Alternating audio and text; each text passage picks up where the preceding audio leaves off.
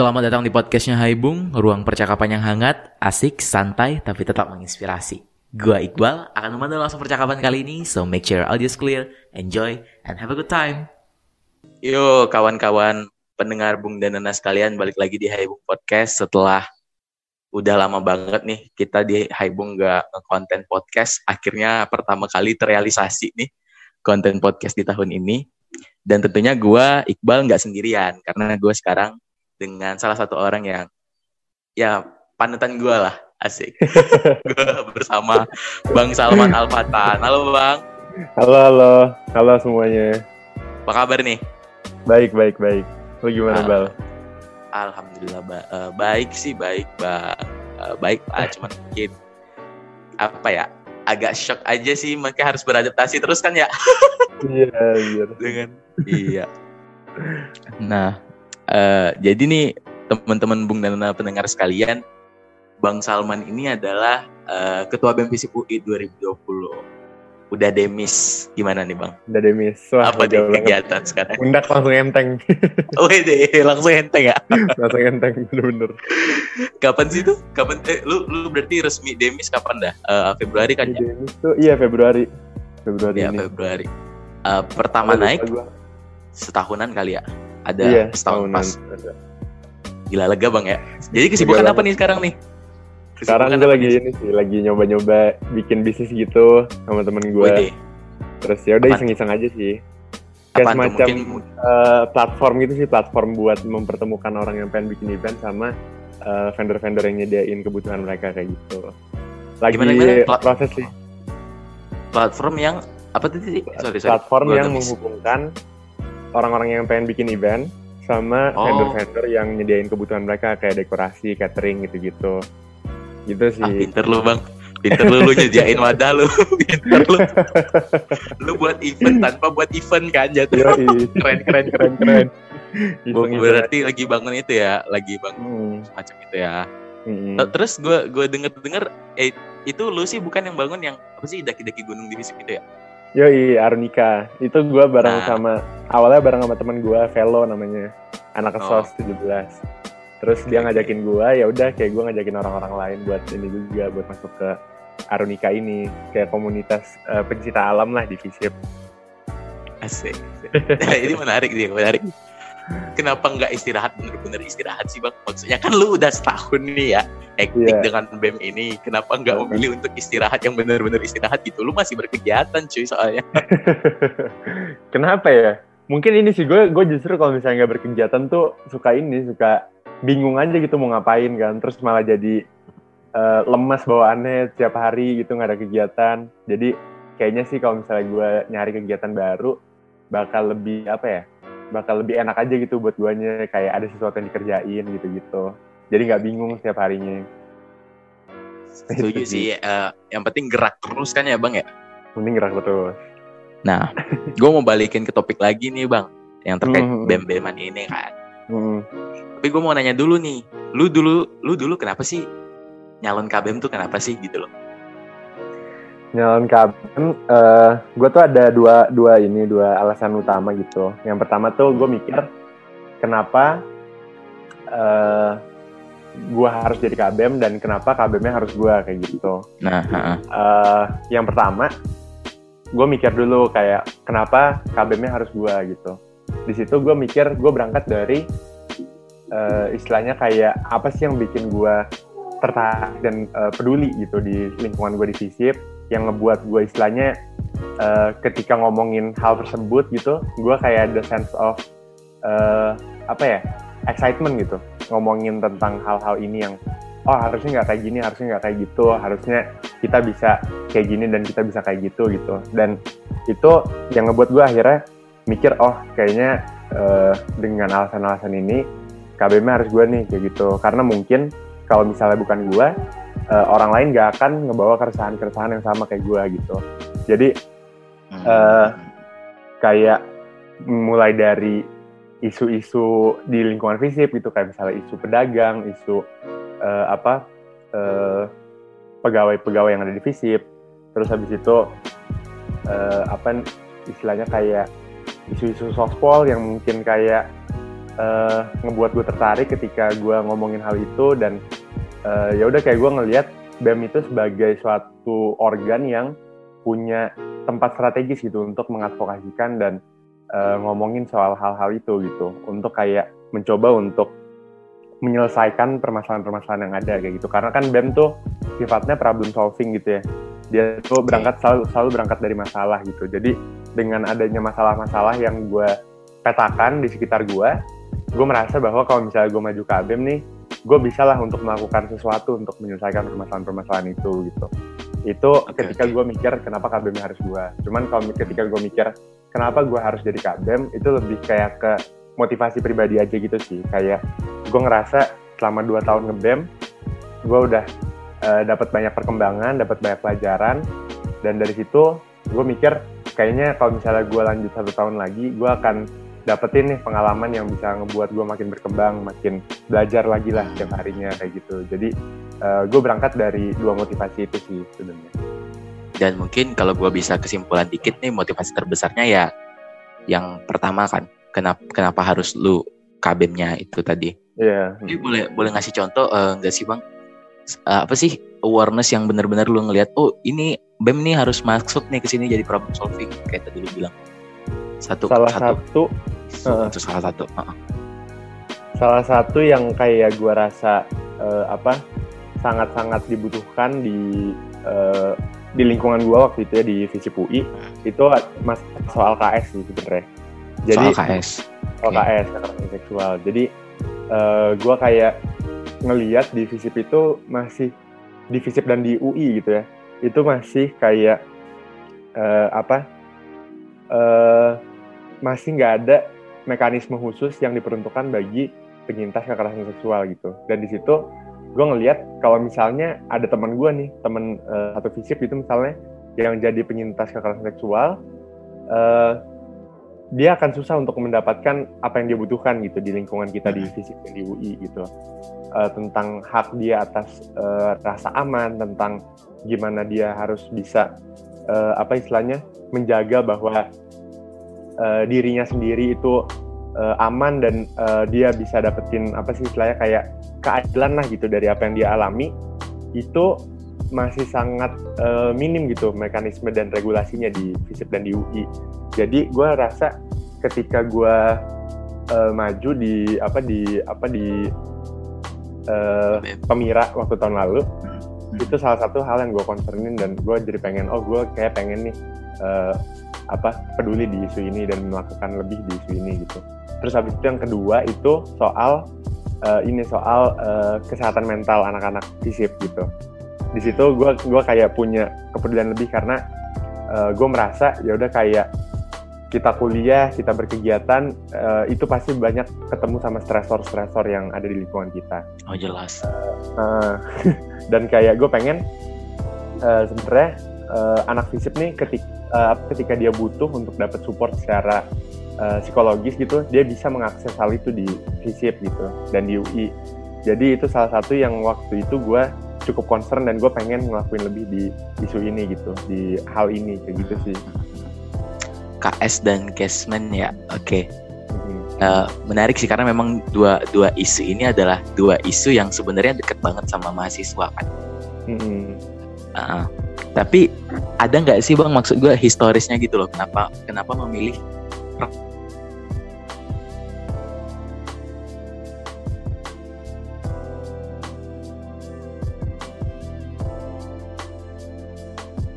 banget nih kayaknya resah banget dengan halo? Halo bal. Nah. Suara lo hilang tadi apa? Uh, historis oh. apa?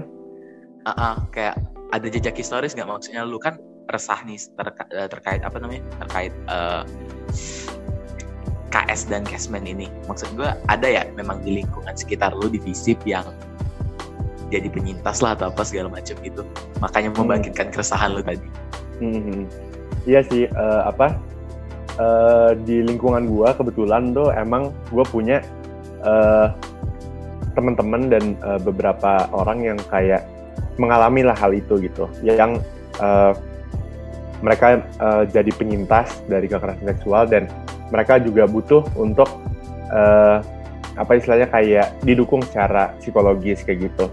Uh, apalagi gue akan gue akan sangat ini sih gue akan sangat menyesal ketika gue tahu ada teman-teman gue di sekitar gue yang gue nggak tahu nih mereka punya permasalahan misalnya dengan kesehatan mental mereka dan tiba-tiba uh, misalnya dia uh, apa istilahnya kayak uh, apa self harming atau apa kayak gitu gue akan sangat menyesal ketika gue tahu hal-hal tersebut gitu. Dan kebetulan gue sempat juga punya uh, apa punya temen yang gue tahu dia melakukan uh, eh, self harming dan dia uh, butuh dukungan psikologis cuman dia kesusahan untuk bisa mengakses support uh, bagi uh, kondisi psikologisnya dia kayak gitu. Jadi di situ uh, gue ingin mencoba untuk gue pengen teman-teman gue yang kayak gini tuh bisa lah gitu uh, mendapatkan apa yang mereka butuhkan sebagai uh, sebagai mahasiswa di FISIP UI gitu uh, untuk ya udah kayak mengakses aja gitu dukungan psikologis yang mereka butuhkan atau mungkin uh, apa apa pun yang mereka butuhkan lah gitu gue pengen mereka bisa mengakses hal tersebut gitu oke okay, oke okay. uh, eh, lu punya keresahan tadi ya uh, terhadap dua isu inilah walaupun mungkin ada banyak banyak banyak hal-hal lain kan bang cuman hmm. yang mau gue tanya emang sebenarnya BEM itu bisa berperan sejauh apa sih gitu mungkin teman-teman pendengar banyak belum tahu nih kan uh, hmm. KBM-nya atau mungkin perangkat-perangkat BEM-nya udah punya alur berpikir yang jelas terkait apa sih uh, ranah perjuangannya. Cuman emangnya BEM itu bisa berperan sejauh apa gitu? Oke okay, oke. Okay. Uh, eh, mungkin itu jadi salah satu pertanyaan yang uh, gue sangat gue mikir keras waktu itu waktu memutuskan untuk kayak gue harus maju nih jadi KBM kayak gitu. Hmm. Itu salah satu hal yang kayak gue pikirin banget karena gue mikir kayak emang kenapa sih kalau misalnya gue peduli nih sama isu-isu ini kalau misalnya gue nggak ada di BEM memang kenapa gitu? Gue kan sebagai mahasiswa juga bisa gitu uh, untuk memperjuangkan hal-hal yang gue pedulikan gitu uh, tanpa masuk ke BEM terus akhirnya gue coba metain beberapa hal yang uh, mungkin BEM punya dan uh, apa kayak mahasiswa yang yang nggak yang nggak masuk ke dalam lembaga kemahasiswaan ini itu nggak punya kayak gitu. Itu gue memetakan istilahnya sumber daya sumber daya yang dipunyai sama BM uh, eh, contohnya kayak ada namanya sumber daya uh, material gitu. Sumber daya material ini kayak uh, oh BEM sebagai lembaga kemahasiswaan dia punya akses ke uh, dana gitu. Punya akses ke uh, financial support misalnya dari kemahasiswaan terus dari kalau misalnya kita pengen minta sponsor buat bikin acara itu akan lebih mudah kalau misalnya kita uh, tergabung dalam BEM kayak gitu. Punya uh, sumber daya material itu.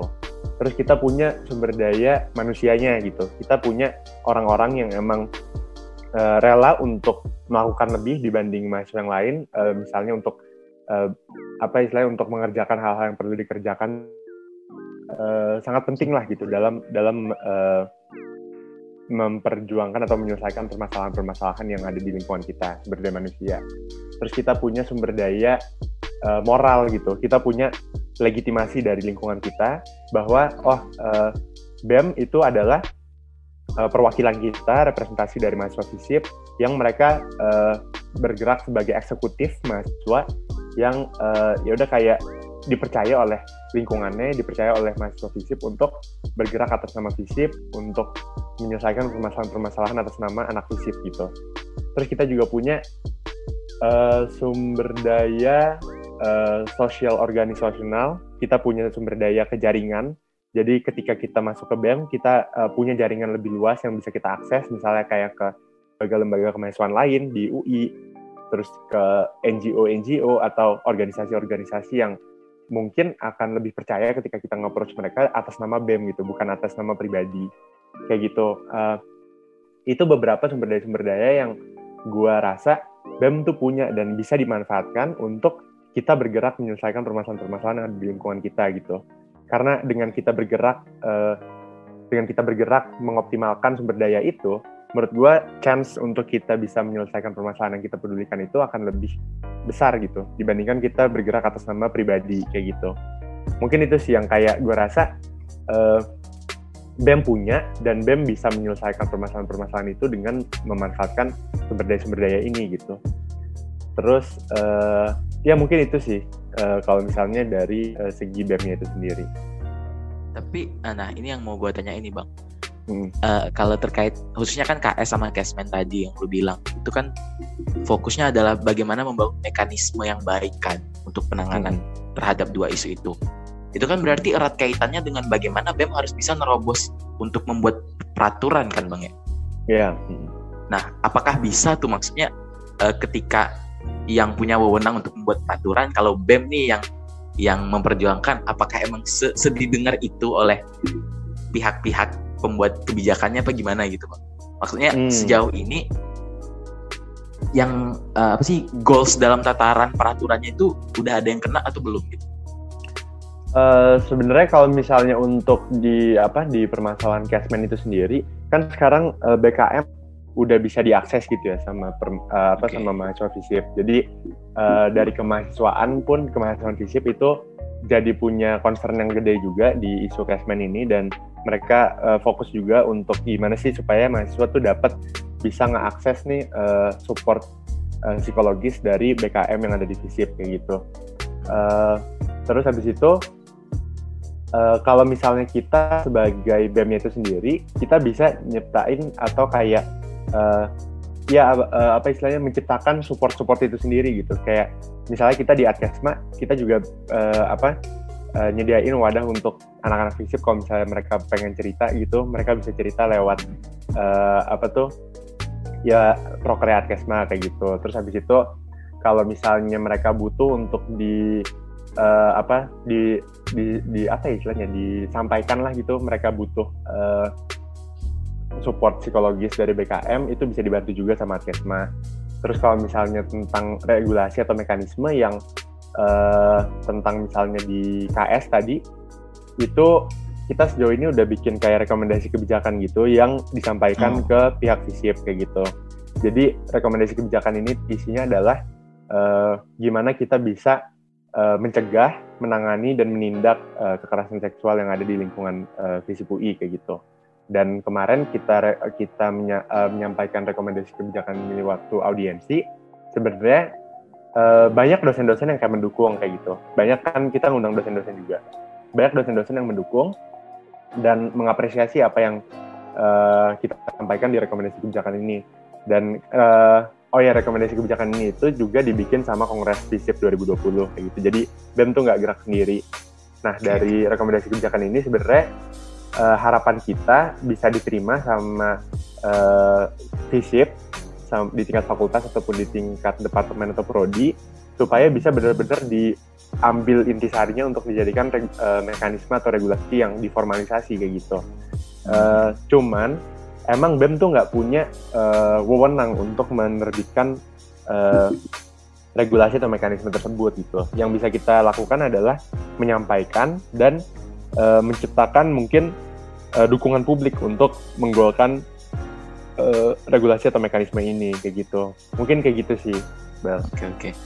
Nah, duh sebenarnya tuh udah lari sih, cuman menarik soalnya kan maksudnya tadi kan gue bilang ke lo kan kita mau bahas albumnya nih, cuman gue mau nanya soal KS nanti lebih lanjut nih. Hmm. Uh, lu tadi bilang kan bagaimana uh, di dalam rekomendasi kebijakan lu itu bagi, memberikan apa sih bagaimana fakultas atau ya pihak yang pembuat regulasi itu bisa mencegah, menindak dan menangani tadi kan ya. Iya. Gue dapat. Nah dari ketiga itu kondisi kondisi sekarangnya gitu bang, menurut lu mana sih yang paling prihatin gitu?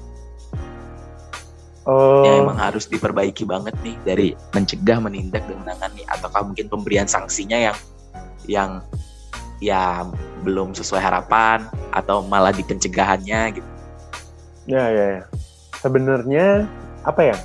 Kalau misalnya kayak di di apa ditaruh dalam list yang kayak yang mana nih yang prioritas kayak gitu. Sebenarnya gue juga agak uh, bingung gitu karena menurut gue tiga-tiganya penting dan tiga-tiganya itu jadi uh, jadi kondisi yang menurut gue masih di masih patut diprihatinkan gitu dari lingkungan kita. Pertama dari yang uh, pencegahan kekerasan seksual, menurut gue masih banyak elemen elemen-elemen yang ada di FISIP itu yang masih belum tahu nih kekerasan seksual itu apa sih gitu.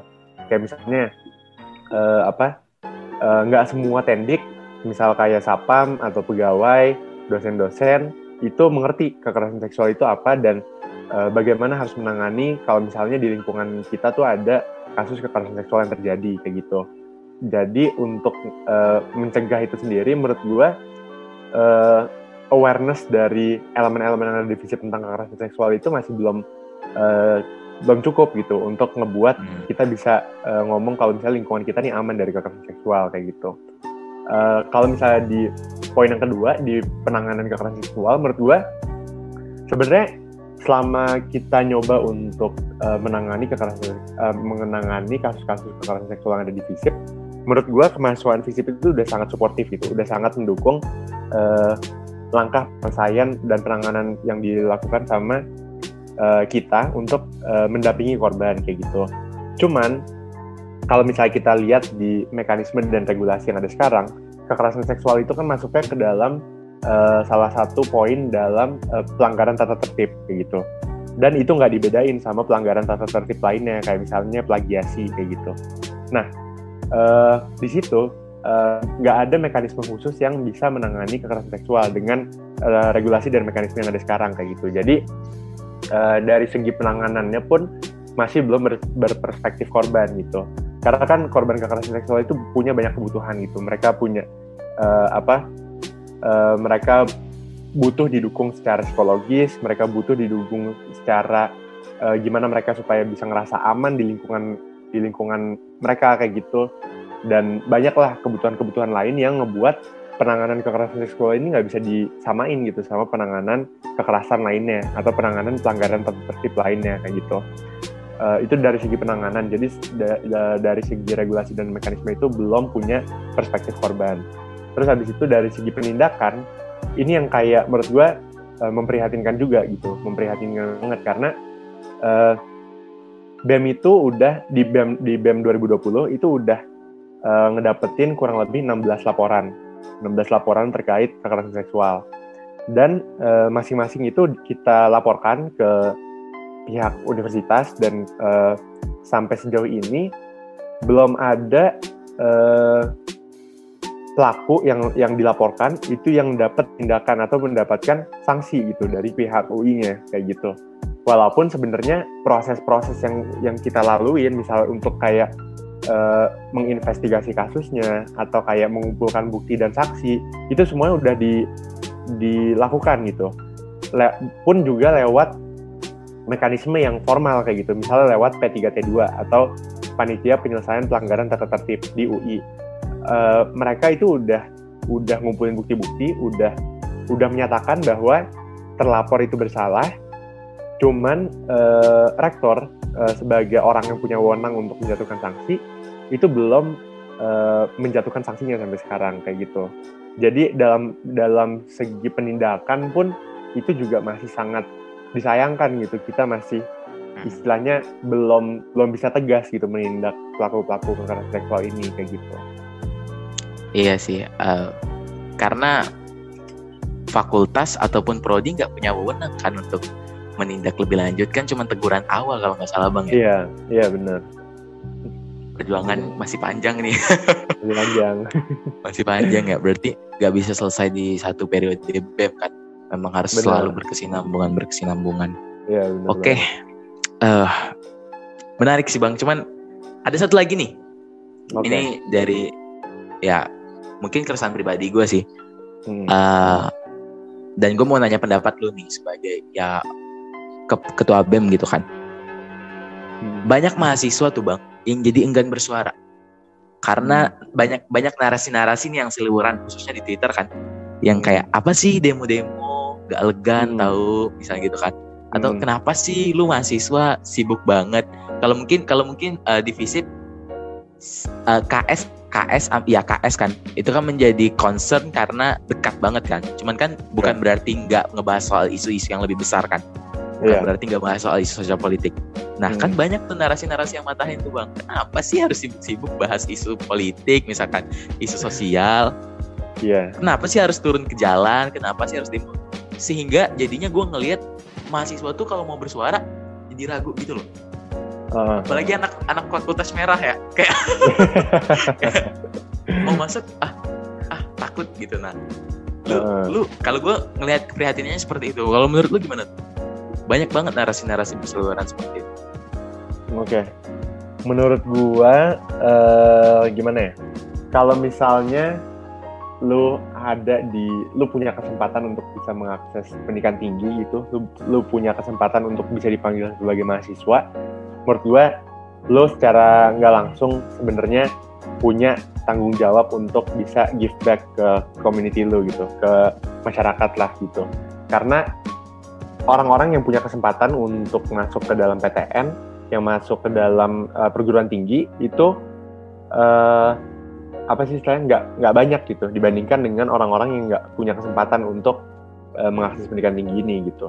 Dan akses yang lu punya ngebuat lu punya privilege gitu. Istilahnya lu punya sesuatu yang nggak di nggak dimiliki sama orang kebanyakan gitu di society ini di community lu kayak gitu. Dan itu ngebuat lo istilahnya kalau misalnya lu nggak ada di PTN nggak ada di perguruan tinggi ini sebenarnya ada orang lain yang bisa menempatin uh, kursi lo kayak gitu. Sebenarnya ada orang-orang lain yang bisa mengakses pendidikan tinggi yang mereka nggak jadi mengakses pendidikan tinggi ini karena lu dudukin kursinya kayak gitu. Menurut gue, uh, kalau misalnya gue memikir tentang hal itu, gue selalu ngerasa gue punya tanggung jawab untuk bisa give back ke community gue gitu karena uh, gue ngedudukin kursi orang nih di sini kayak gitu kalau misalnya gue nggak nge-give back apa-apa uh, dan cuman mikirin tentang diri gue sendiri aja menurut gue uh, apa kayak ya kom komunitas lu nge-invest di orang yang salah kayak gitu sih. Kalau misalnya uh, gue mikirnya kayak gitu.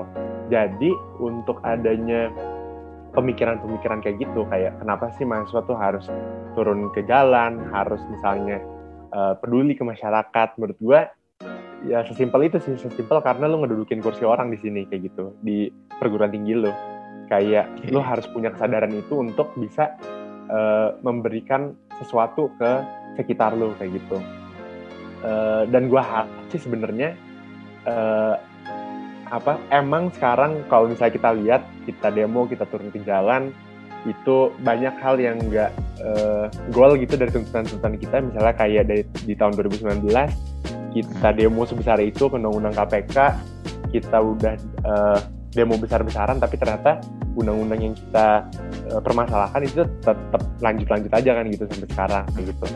Menurut gue uh, kalau misalnya kita ngelihat kayak oh demo kayaknya sekarang ini ini pemikiran uh, apa pemikiran kecil gue aja gitu ya kayak uh, kayaknya sih mungkin demo udah nggak relevan lagi sekarang karena uh, pemerintah atau mereka-mereka yang punya uh, wewenang untuk uh, apa istilahnya membuat kebijakan atau membuat peraturan itu udah kayak nggak ngeri kita lagi kayak gitu.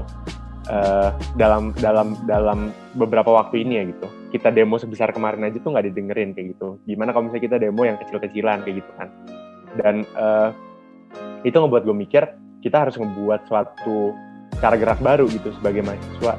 Kita harus pakai daya kreatif kita untuk uh, ngebuat ya bentuk-bentuk uh, gerakan sosial baru untuk uh, ya udah kayak kita coba untuk uh, menyelesaikan permasalahan-permasalahan yang kita anggap penting untuk diselesaikan gitu. Uh, mungkin itu sih kayak yang yang gue coba kepikiran sekarang kayak gitu. Kalau misalnya uh, mahasiswa udah ngerasa nggak relevan lagi untuk turun ke jalan, uh, kita harus cari ngelakuin cara, cara cari cara gerak baru tanpa menghilangkan esensi bahwa kita tetap harus peduli dengan uh, sekitar kita kayak gitu sih. Jangan sampai lu jadi orang yang dalam tanda kutip komunitas salah invest tadi ya itu yang gue highlight iya benar benar nah. benar banget. Oke okay, oke. Okay. aduh jadi jadi run out of time nih bang. Tapi nggak apa-apa emang karena seru banget thank you banget nih uh, Bang okay, Salman okay, udah okay. mau mampir di podcastnya Haibung. Uh, terima kasih udah berbagi inspirasi di sini. Gitu. Yo, thank you juga ya Bal udah ngajak ngobrol-ngobrol nih. Thank you juga teman-teman yang udah dengerin. Semoga semuanya sehat-sehat selalu deh. Amin, amin. harus harus pati prokes terus bang ya. Yo iya prokes terus. Jangan nongkrong lu, lu jangan sering nongkrong lu. nongkrong lu lu. Oke deh. Oke, kawan-kawan, gue Iqbal. See you next time. Salam hangat, teruslah berproses dari Haibung untuk Indonesia.